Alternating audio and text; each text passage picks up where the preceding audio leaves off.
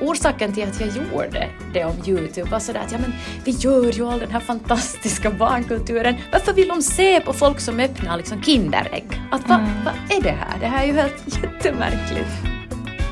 De förstår inte varför de måste vara in och se på Bertil, att jag vill ju se på typ eh, Vania Mania Kids.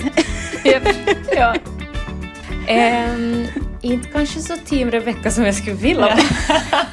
det, det är det här jag också känner, att man skulle vilja vara Team Rebecca. ja.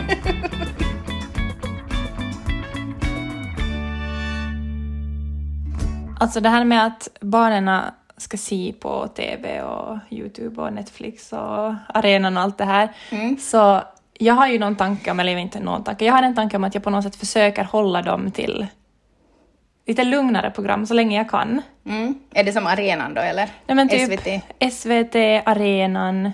Mm. Um, försöker, men det, det, alltså det funkar ju inte. Men att jag på något sätt har en tanke av att, att, att så länge de är små så är det bättre för dem. Att du försöker skydda dem? Nej, jag försöker, jag försöker kanske lite sådär, inte skydda dem, men skydda dem från jättemycket intryck på kort tid. För jag mm. märker att det påverkar dem. Mm. Ja, eh, och jag försöker inte så mycket, utan jag låter mina barn se på Netflix och YouTube. Eh, och när vi har diskuterat det här sinsemellan mm. så får jag alltid en känsla av att jag är den som tycker fel här. Och jag får, jag får känslan av att jag är liksom konstig och gammaldags och tråkig.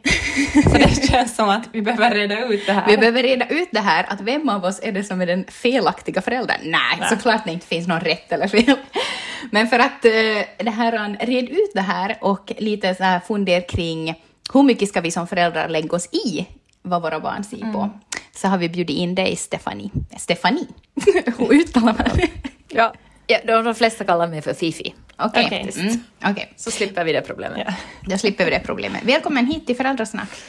Tack ska ni ha. Jätteroligt att Roligt du... att vara här. Ja.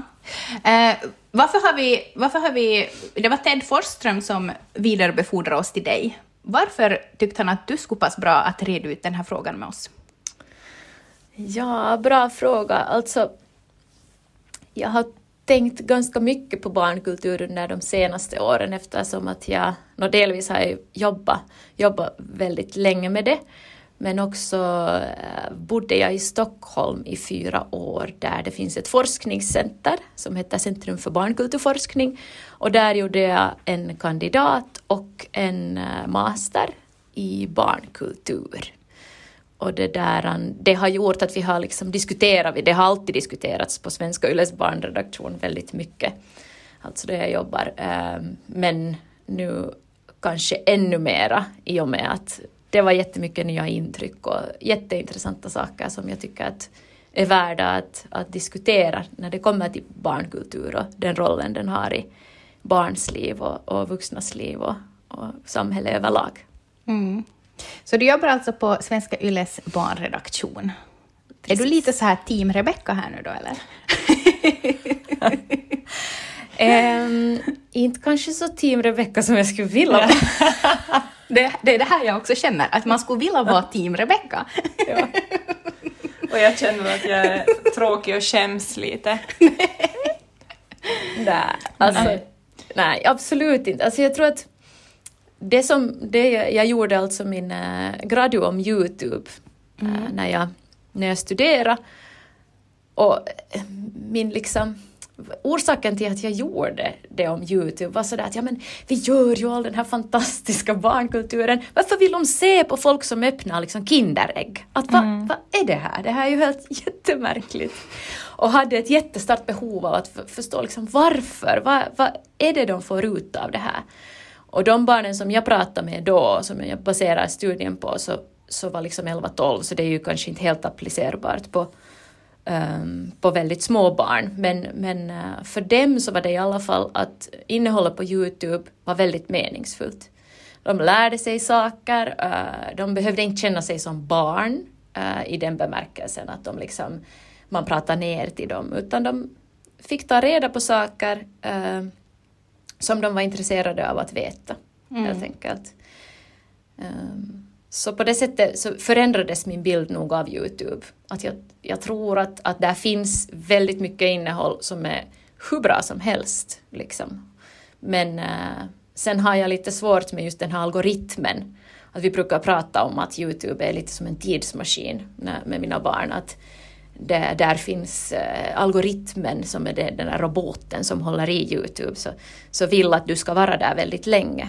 Mm. Och det är kanske just den som jag som kanske har gjort att jag började fundera jättemycket på det. Att, att mm. just som du sa också, att innehållet i sig, att det finns ju jätte, jättemycket bra mm. på Youtube. Alltså det finns ju som, vi har, när de var mindre så kunde vi se just på sådär att hur gör man det här eller varifrån kommer bananer, liksom att, ja. det finns ju jättemycket, men just den där som kanske skrämmer mig lite är när de är så små och den där just den algoritmen att, att det liksom, om jag inte sitter med där så bara det kommer nytt och det kommer nästa och de, de, de förstår direkt att klicka sig vidare, de hittar liksom, de börjar gräva någonstans och, jag, och vet inte liksom var Vart de, de hamnar. Exakt. Mm, mm, mm.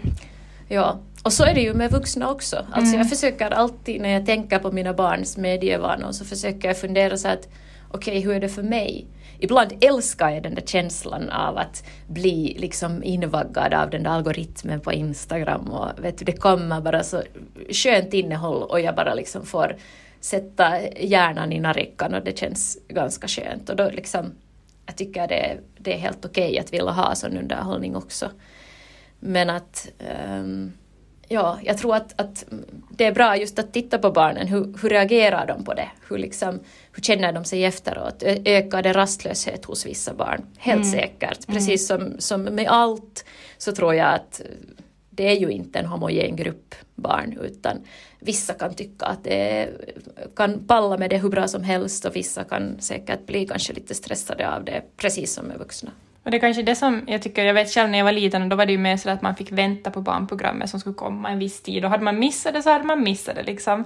Men det som jag märker att det är svårt när de, när de just ser på plattformen var det kommer mer och mera, att det här liksom att stänga av och att gå därifrån så är så otroligt svårt. Och just som du sa också, jag tänker ju också på mig själv, att jag vet ju själv att det är jättesvårt på kvällen, jag vet att jag borde gå och sova, men det bara kommer mer och mer, det kommer någonting som Alltså, men det här vill jag ju se, det här är ju intressant och jag vill ju inte liksom stänga av det. Jag har ju själv svårt periodvis att stänga av det. Så jag förstår ju att det är jättesvårt för dem också, men det är på något sätt en sån här ny aspekt som att det är inte slut. Det tar liksom aldrig slut. Men det var ju som när man själv var liten och kom från skolan och så kom det liksom Sunset Beach klockan fem och man visste att om inte jag sitter där klockan ja. fem så då har jag missat det och då vet jag inte vad som händer, liksom, jag hänger inte med imorgon. Exakt. Så då så såg man det och sen så var det som att okej, okay, men då stänger vi av för nu är det mat och det kommer ändå inte mer, nu kommer det något tråkigt, typ nyheterna. Men nu är det som så här att man ser typ Grace, eh, liksom sex avsnitt på en kväll. det, är som, det kommer bara mer och mer. Vi frågar på, på, Instagram av er som lyssnar att, um, att hur mycket bestämmer ni vilken plattform era barn får titta på? Uh, och resultatet där så visar liksom att det är i huvudsak föräldrarna som väljer plattform, men att barnen sen själv får klick och välja, eller liksom vis med fingrarna vad de vill se på. Hur är det med det här, liksom, hur mycket ska vi föräldrar egentligen lägga oss i? Det är en jättebra fråga och jag tror att det här är en fråga som alla eh, som har barn som använder, konsumerar media på något sätt liksom dagligen tänker på. Um, det viktigaste är ju att se barnets reaktioner. Um, sen tror jag att, att om man får en jättestark olustig känsla när barnet tittar på Youtube eller eh, gör något annat så kan man fundera också varför vad är det som gör att jag inte vill att de tittar på det här? Är det plattformen? Okej, okay. ska vi titta tillsammans på dem, det innehållet som jag tycker att det liksom, som eh, är, kan vara bra för mitt barn? Eller vad, vad, vad gör att jag tycker att arenan är på något sätt bättre? Uh, vad är det specifikt som, som gör att jag vill att, att de ska vara där? Att man försöker gå lite mera in i det än bara vara så här, okej, okay, det här är bra, det här är dåligt. Så liksom, och allting kan man diskutera. Jag tror att det är jättebra att, att prata med sina barn. Okej, vi tittar på det här. Um, hur kändes det? Blir det någon diskussion kring det? Det är ju det bästa, att mm. uh, kulturen kan väcka liksom, diskussioner kring vem man är som människa eller vad man är med om i vardagen och så.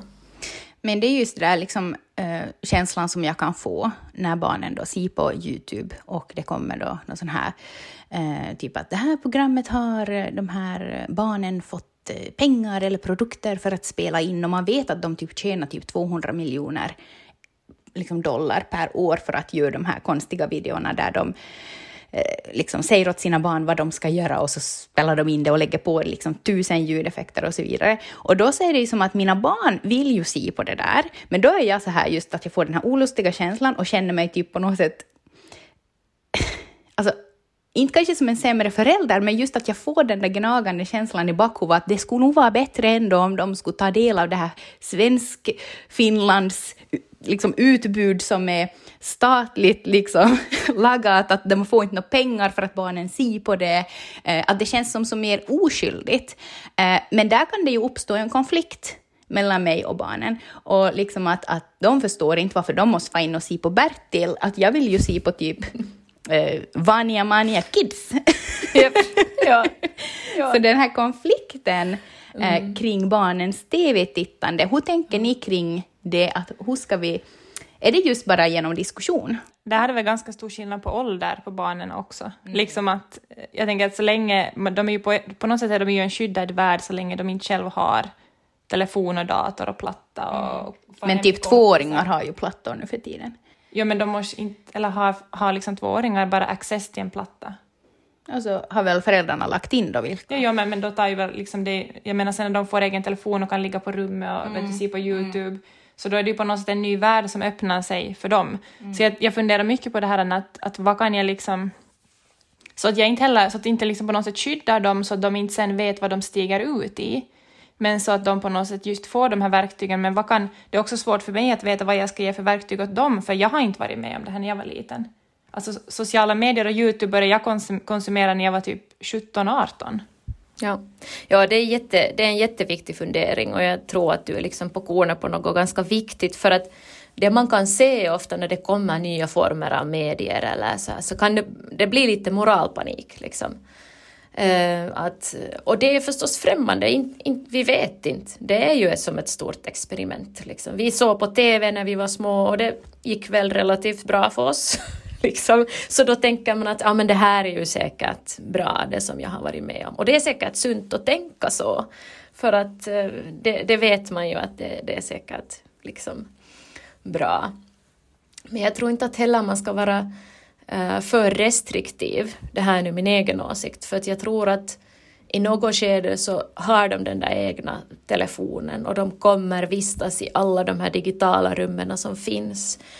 Och det kommer vara mycket svårare att sätta begränsningar. Och att då ha haft någon att diskutera med att, eh, att Nastja öppnar massa leksaker betyder inte att du nu kan bli en youtuber och bara öppna leksaker. Liksom. Och, eller att um, de gör så här och det är jättekönsstereotypa uh, eh, liksom könsroller. Okej, okay, men där i det där landet så är det kanske på ett lite annat sätt. Och nu känns det som att jag inte vill stänga av iPaden men nu, nu tänker jag bara göra det. Att man har fått öva på allt det där tror jag att det är liksom viktigt. Um, så att man inte sen är helt utelämnad. Mm. Ja, och kanske min sådär också kanske lite rädsla i att eller där är det ju på något sätt en, en, köns, en, en in, bra insikt där just att det viktigaste är att kunna kommunicera kring det. För jag vet själv att fast man kan vara sådär, nej men TV var så oskyldigt när vi var små liksom. Mm. Eller som att inte var det som, ja. Men jag vet själv att till exempel mm. toppmodell, jag som hade ätstörningar i, i tonåren, så toppmodell var en stor orsak till att jag började fundera negativt om min kropp och började jämföra mig. Och kanske den där rädslan liksom att, för jag, då diskuterar jag det aldrig, för inte diskuterar man det på samma sätt på något sätt, eller jag vet inte, jag tycker att vi är bättre idag på det, eller jag själv är bättre på det. Så jag tänker att där är väl det viktigaste på något sätt att, nej men just när de ser på sånt vad det är väldigt så här stereotypa kroppar, det här, det här liksom, vilken norm som är vacker, vad som är fint, hur flickor ska vara, så då får jag en sån här uh, liksom känsla mm. att jag vill inte att de ska se på Barbie, jag vill inte att de ska se på någon, alltså jag vill att de på något sätt ska se världen, liksom med, alltså med olika nyanser. Jag vill att de ska få, mm. liksom, fast vi nu lever i en liten by i Österbotten var det är väldigt så stereotypiskt, så vill jag på något sätt att genom det de ser då i media och ser på filmer och sånt, att det också på något sätt öppnar deras värld för att mm. allt är inte så som vi har det. Liksom. Mm. Och det är jag rädd på något sätt att de inte får om de bara sitter och ser på det här. Russian family. Ja.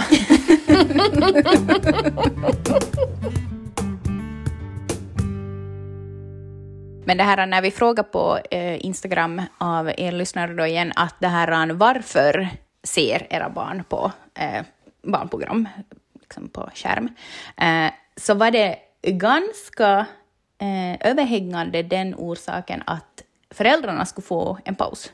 Att föräldrarna skulle få laga mat i fred, att föräldrarna skulle få dricka kaffe, att de skulle kunna sitta och prata ostört. Och är det där ett litet sånt här, vad ska man säga, typ problem med tanke på hur viktig den här diskussionen är kring vad barnen konsumerar och sen då att, att föräldrarna liksom sitter någon annanstans eh, och gör någonting helt annat och inte alls har koll på eh, vad barnen ser på. Absolut. Jag, jag tycker det är jätterelevant. Att det är liksom att man kräver egentligen att, att, att innehållet ska vara en självförklarande barnvakt. Där det liksom inte ska, att det ska, allt ska liksom förklaras och det ska inte vara svårt att förstå.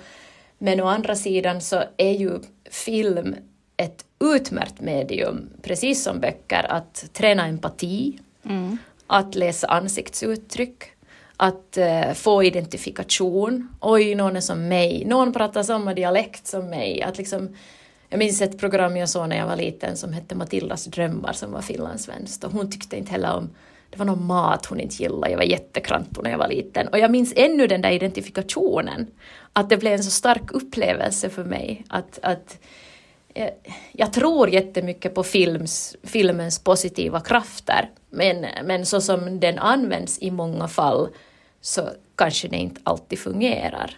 Att om man bara lämnar dem där så kanske det inte, det inte uppstår alltid samma sak. Men är det då där att, att där så borde man som förälder kanske ändå blanda sig i lite vad, vilken plattform man lägger på, vilket program man lägger på, att man inte alltid bara far och kokar kaffe och så låter man barnen lägga på då eh, Youtube och någon sån här liksom kulor som rinner på några bilar eller vad som helst. och så bara allt som finns. Att just i de stunderna när man inte kan vara så närvarande, mm. är det då som vi borde blanda, i oss, blanda oss lite mer i vad de liksom ser på? Och där tycker jag det är ganska stor skillnad alltså på barnen, som jag redan ser på mina barn, att, att, att den här, min mellanflicka som är jätte, jättekänslig, så om jag inte på något sätt, jag kan sätta på, vi kan sätta fast det har varit någonting på bokklubben, till exempel det här Västa Linnea, Mm. Det var, det var, jag tänkte som att nej, men det, här är, det här är ju inte något hemskt, liksom. att det här mm. pratar de ju om på dagis och det här liksom. Mm. Men för henne var det alldeles för mycket och skulle jag inte då på något sätt sitta, så hon var ju som helt chockerad över den här häxan. I brunnen? Ja. Brunnshäxan. Ah, frukt, det var ja. fruktansvärt. Ja. Så där är också som, bara den saken att man lite också att lära känna att hurdana är liksom barnen och jag vet att hon mm, påverkas jättemycket mer än till exempel vad stora syster har gjort. Mm. Att där är det som att att jag kan inte bara lämna henne före jag vet. Liksom. Du måste som sitta på kvällen först och se igenom vad du sen kan visa. Det ambitiöst. Men, men där märker jag också att hon, hon till exempel hon behöver diskutera det alltid. Jag kan inte, vi kan inte se en film och så går vi och sover direkt, utan hon behöver som få processa det här. Att vad var det riktigt som hände? Varför gjorde den så? Varför sa den här mm. så? Mm. Uh, och jag märker att om vi inte gör det, så då blir det oftast till oro och så här funderingar och hon, hon sover sämre och så här. Så det tycker jag att, att det är sådär, nej men intressant också att observera att de tar in saker så jätteolika. Och i olika åldrar också. Ja, alltså, men det är, ju, det är ju jättefint. Alltså det är ju helt ljuvligt. Det där är ju hela kulturens kraft. Att mm. man kan se någonting och sen det väcker en känsla, det väcker en tanke, det väcker diskussion. För mig är det hela, det är hela grejen. Um, sen finns det ju olika stunder där jag som förälder förväntar mig väldigt olika saker av ett, av ett kulturinnehåll. Ibland äh, vill jag faktiskt dricka en kopp kaffe och jag vet att med Youtube så kan de titta på de där Kinderäggen hur länge som helst. Eh, och då, mm. då sätter jag på det. Men mm. eh, andra stunder så är det så okej, okay, vi har på Svenska Yle nu den här ljuvliga Västa Linnea-serien som jag själv också gärna ser och vi tittar på den tillsammans och vi diskuterar. Att jag tror att det jag tror inte att det, när det kommer till kultur är det aldrig det ena eller det andra. Jag tror att det är just den där så mycket som möjligt och liksom diskussion kring det. Mm. Så summa summarum då, det, det, är liksom inte att team Rebecca eller team Carro är bättre här. Mm. Att ingen av oss måste känna oss vare sig tråkig eller sen typ som en trash YouTube-mom. Absolut inte. Och jag, och jag tänker nog att, att på något sätt Människor mår ju oftast bra när man agerar i enlighet med sina egna värderingar. Så om man tänker ut att vad är det jag vill och vad förmedlar det här innehållet? Är det någonting jag vill förmedla vidare? Är det någonting som är helt diametralt motsatt? Kan jag diskutera det med mitt barn? Är det på en sån nivå liksom? Men också vara snäll mot sig själv. Nej men nu vill jag gå i duschen. Och nu det här gör att jag får gå i duschen. Och ja, det finns ingen forskning som säger att ett barn tar skada av att eh, titta en stund på Youtube nu och då. Det finns bara inte sån forskning. Um, så att det är liksom, man måste nog tänka också jätteenligt tror jag, bar barnet och just hur man upplever det.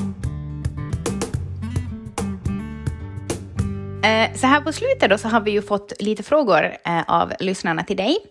Eh, och den första frågan är, hur tänker barnreaktionen på YLE när ni utvecklar och väljer program? Hur viktigt är det att programmet har en pedagogisk tanke bakom? Um, jag skulle säga att det här begreppet pedagogiskt är liksom intressant. Vad menas? Att uh, det finns en jättelång tradition inom barnkultur i och med att den kommer helt från folkskolelärare på slutet av 1800-talet, att man skulle göra liksom, nu ska ni lära er saker på ett roligt sätt. Så det finns en stark, stark diskurs där som, som gör att mycket, mycket barninnehåll är att nu ska jag lära dig, lilla människa, någonting viktigt som jag vet och som du inte vet. Och jag tror att barn lever i en sån värld ganska mycket.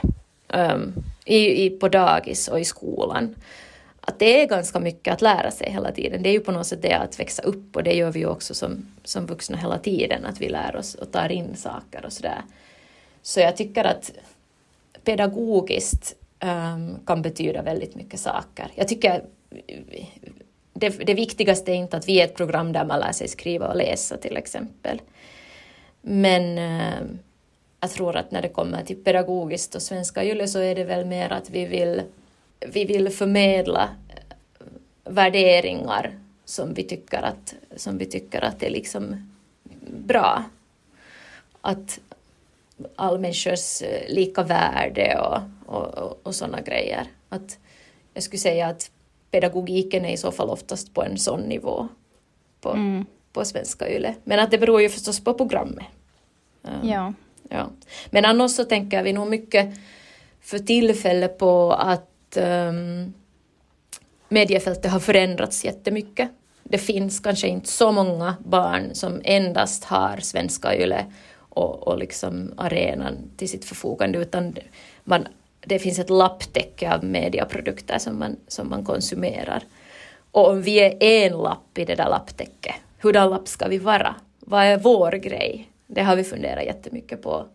Och då har vi tänkt att vi vill jättegärna att finlandssvenska barn ska få en plats i det offentliga utrymmet, att man ska kunna ha med barn och man ska känna att eh, man har möjlighet att vara med eh, i ett TV-program och synas. Och sen eh, också att ehm, man kan identifiera sig med de som finns där, att det finns karaktärer och personer som pratar som jag eller som vistas i liknande miljöer som jag. Barn med likadana funderingar och tankar och problem och vardag som jag. Att den där identifikationen är jätte, jätte stark. Men det som jag har funderat på också är det här att, eller jag har märkt att tempot, kanske också där en del varför jag vill att de ska se mera på, på YLE och SVT, är att tempot är mycket lägre i de flesta programmen som, som ni sänder eller som, ni, som finns på arenan, än om jag klickar igång till exempel Netflix eller någon annan streamingtjänst. Är det som medvetet? Alltså, är det, eller är det, alltså, vad tror du att det, vad ligger bakom det? Det är en svår fråga, men jag skulle säga att det är en lyx som, som vi har på YLE och som SVT förstås också har, att vi alltid kan utgå från barnets perspektiv vi behöver inte tänka att det här är en serie nu som ska få möjligast mycket klicks och det ska säljas merch eller det, det går jättesnabbt eh, och, och, och det liksom gör att de är fångade vid rutan utan vi liksom vi försöker faktiskt tänka utifrån att det här blir säkert det bästa för barnet. Och det finns nog inte någon medveten strategi att det ska vara eh, så långsamt som möjligt. Det, Nej, men det, det är bara jättetydligt tycker jag att tempo är ett ja, annat. det har rätt. Och att om, om barnen har sitt mera liksom på sånt vad det är ett högre tempo, mm. så, så är det svårt för dem märker jag att gå tillbaka till. Det kräver som en sån här avvänjningsperiod. Mm. För vi har gjort så ibland att vi har som inte att jag som har avslutat våra andra streamingtjänster, typ på sommaren eller något sånt. Och då har det som krävs några veckor att de som accepterar det och det är jättestora stridigheter, att det är tråkigt och det går långsamt och det är si och så. Ja, vi fick ju faktiskt en fråga här, som var den andra frågan till dig, att eh, dagens barnprogram har så snabbt tempo. Eh, påverkar det barnen jämfört med att de ser på program med lägre tempo? Det är en jättebra fråga. Jag, mig veterligen finns det inte liksom forskning som har kunnat visa det ena eller det andra.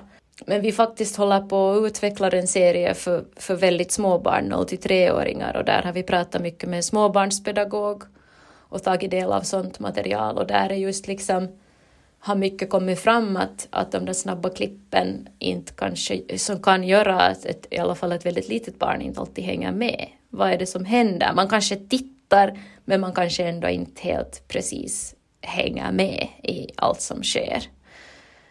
Mm, så det, det är väldigt svårt att säga, jag har inget tydligt svar på det, men, men det där om man märker att, att det verkar vara skönare också för en själv att titta på sådana program som är, har ett långsammare tempo, man blir själv lugn av det och så ser man på barnet, blir det lugnt av det så då absolut, då, då ska man ju välja det tänker jag.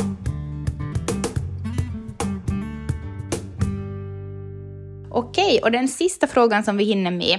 Eh, vad är dina slash Yles tankar kring köns, eh, könsroller och mångfald i barnprogrammen? Det är något vi diskuterar jätte, jättemycket. Vi har eh, ett dokument där vi bokför eh, alla barn som är med till exempel, för att då liksom hela tiden keep track på att vi ska ha så stor mångfald bland barn som är med och då handlar det om allt från att um, från då förstås etnicitet eller pojkar eller flickor, men det kan vara liksom helt andra saker också. Som uh, att man visar barn som bor i olika slags hem och från olika ställen. Har de en dialekt? Vilken dialekt har de? Att vi diskuterar det nog jättemycket. Ja, vi har haft till och med ett projekt på barnredaktionen nu som har hett Mångfaldskompis.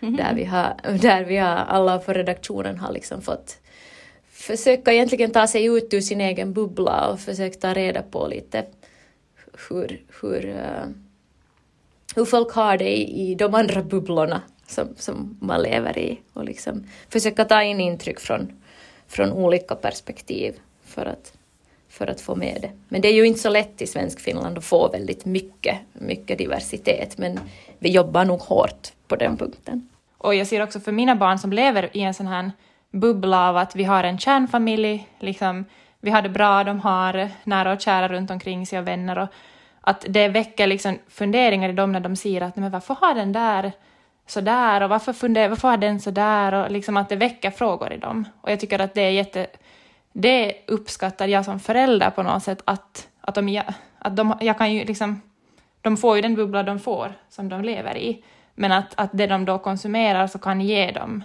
den här bredare. Absolut. Bredare. Ja, jag tycker det är en av de det är en av de viktigaste sakerna med, med alla kulturprodukter, att man kan öppna dörrar till helt nya världar och där man får se liksom andra saker. Se sådana som är som mig, men också se sådana som är helt helt annorlunda än mig. Så jag tycker att jag håller helt med dig, jag tycker det är jätteviktigt. Eh, vad sa du nu då? Fiffi, sa du det? Fifi. Fiffi. Fiffi. jag vet, alltså jag kallades ju Fifi, jag bodde i Stockholm och i början presenterade jag mig som Fifi och kallades för Fiffi ända tills någon svensk var till mig sådär snällt att Alltså du vet väl uh, vad det betyder i Sverige? Bara, Va? Nej! Ah, Okej! Okay. Ah. Alltså Stefanie, Stefanie, Stefanie. Så. Men alltså jag vet ju att många lyssnare i Österbotten så inte vet jag är det där samma så kan ni skita i det. Oj, oj. Nå, hur som helst, um, Fiffi eller Fifi eller Stefanie. Stort tack för att du, första då. Stort tack för att du var hit och eh, lite lugna båda våra känslor känner jag. Vad bra. Ja, jag vill ändå slå ett slag för att gå in på arenan, för det finns ju massvis med Gräva bra... Ja, det finns massvis, massvis med bra eh, barnprogram där. Eh, som också mina barn tar del av, fast det nog låter som att de bara ser på YouTube och Netflix. Men nu ser vi på arenan också. Speciellt eh, Djuren på Djuris och Västern Linnea och, och allt vad det finns där. Och det här Vattnytt ser min åttaåring mycket på. Så gå in på arenan och eh, diskutera med barnen vad de tar eh, del av för, för det här. Vad sa du? Kultur... Kulturinnehåll. Kulturinnehåll. Det var ett bra ord. Mm. Ja, ja, hörni. Vi syns, eller vi hörs igen nästa vecka. Tack för att ni lyssnar. Hej då!